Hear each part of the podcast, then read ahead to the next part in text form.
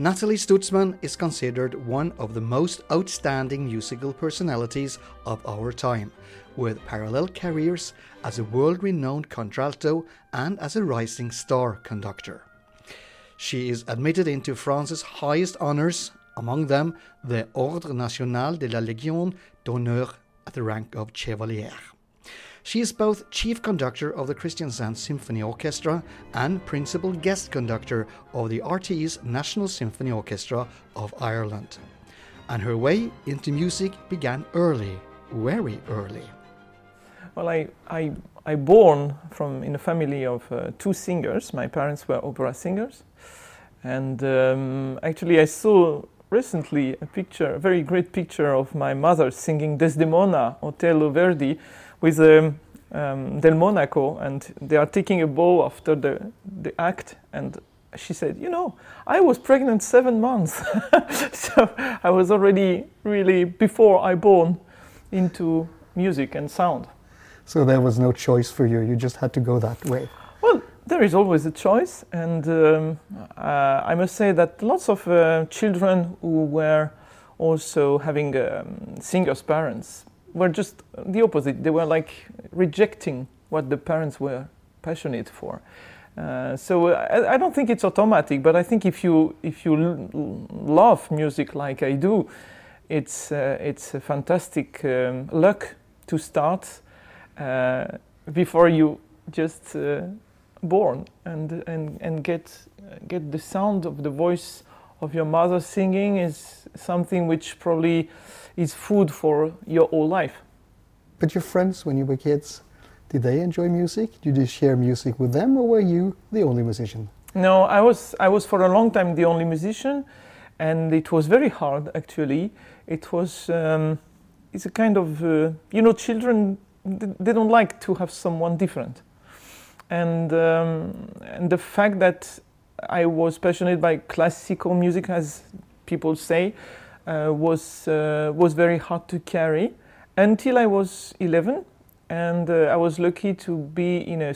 We have special schools in France. I don't know if you have this in Norway, um, where you you have study normal study in the morning. We call it musical class, and the afternoon is dedicated to music. So you work more than other children because you have to go to school every day, but you are also doing um, music course every day. And from that time, it was paradise because I was surrounded by people who had the same passion, and I was not rejected as the one who likes things that the others don't like. so I, I really loved it, and I was um, a pianist, a bassoon player at that time. I was playing in the orchestra, and uh, I was doing all the classes, and I started conducting as a teenager later. So, was it difficult to find out which path you should follow, which uh, particular instruments or part of music you should develop in? Yes, in a way, because I was so bulimic. I mean, I, I loved everything and I was passionate by everything I was doing. Uh, I adored the piano and I still adore it, and I, I still uh, just love to. Every time I see a piano and I have my Steinway, and I just, oh my God, this is heaven.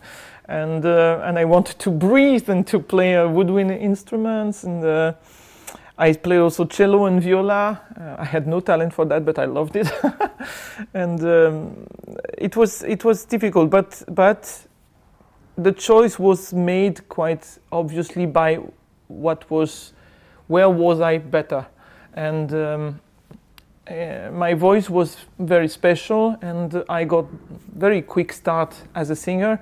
So it was. Um, the obvious choice I had to do because I was more special in that range than as a pianist or as a bassoon player. And uh, as a conductor, it was it would have been my dream already, but it was just impossible as a woman to to grow up and to do something really at the highest level. And it took me one or two years to understand that very quickly. You proved it now that a woman really should could do that. But I just wonder a little bit about your youth. Uh, was it only classical music all the time, or were you a rebellion? Were you into rock and roll? Did you try anything else? Uh, I was a rebel, but not at all with about music. I, I, I tried to be rock and roll with my classical music. That's different, you know. I was uh, on a motorbike uh, with leather jackets, and it was really rock and roll style.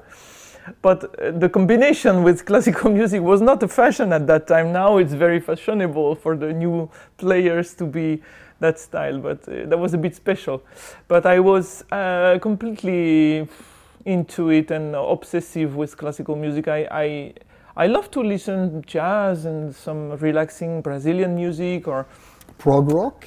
Yes, and I and I love to dance. I love to, you know, but but uh, as as a person, every day, what I need is this music, not anything else.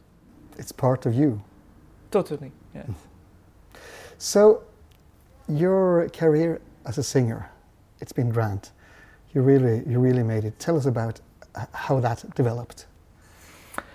Well, it, I had a very quick start because my voice was rare. You know, a contralto voice is very, very rare, and um, I was um, I studied with my mother uh, when I was 16, and uh, I got the first prize in the music school a year after. I got an international competition two years after, and I started in the school of the Paris Opera, uh, where they have only 20 opera singers. Uh, I stayed there for four years. I was the youngest uh, ever coming to the school and uh, and uh, we had auditions. Um, a manager picked up me immediately. I was 18, and I started to have already important concerts. In the meantime, I was a student. I was living like a student in a very poor flat, and you know all you can the bohemian life you can imagine. And uh, and I already got concerts at Salle Pleyel or uh, oratorios and things. But I was I was very wise in the meantime. I was really taking care not to accept everything. And i was i was i, I made very clear choice and i was really strong enough to say no many times uh, which is hard. When you are young you just want to say yes all the time. All the opportunities exactly exactly. So i had a very quick start very early start. And when i finished the school i won the neue stimmen competition in gütersloh. And uh, that was the start of really international career um, everywhere. So I was only 22 and it, I was already going everywhere. And I signed with the exclusive contract recording company. Uh, actually, I did about 80 recordings now as a singer. So it was an early, quick, and long way in the meantime. And that career took you way up.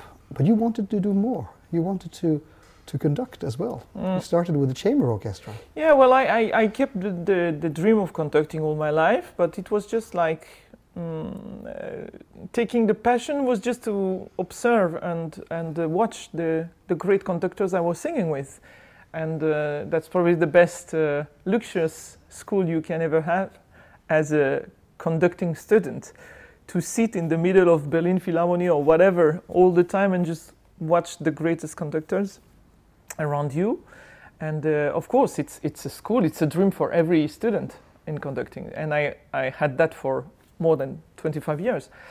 And, uh, and uh, when I started to create my chamber orchestra, it, it was not the dream of conducting at, the, at that time. It was the dream of achieving something more related to the music because as a singer, uh, I, I, I, love to sing, and it is my instrument, my main instrument, and the best way to express myself um, instrumentally, but it's limited. It's limited because you have the limits of the voice, you have the limits of the repertoire of your voice, and my voice has a small repertoire.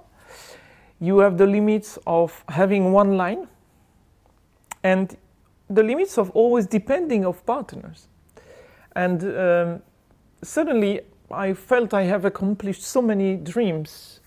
I have seen all the repertoire I wanted to sing. I have sing with all the greatest conductors ever. I have sing in the all greatest hall, Carnegie Hall, Musikverein, everything. What else now?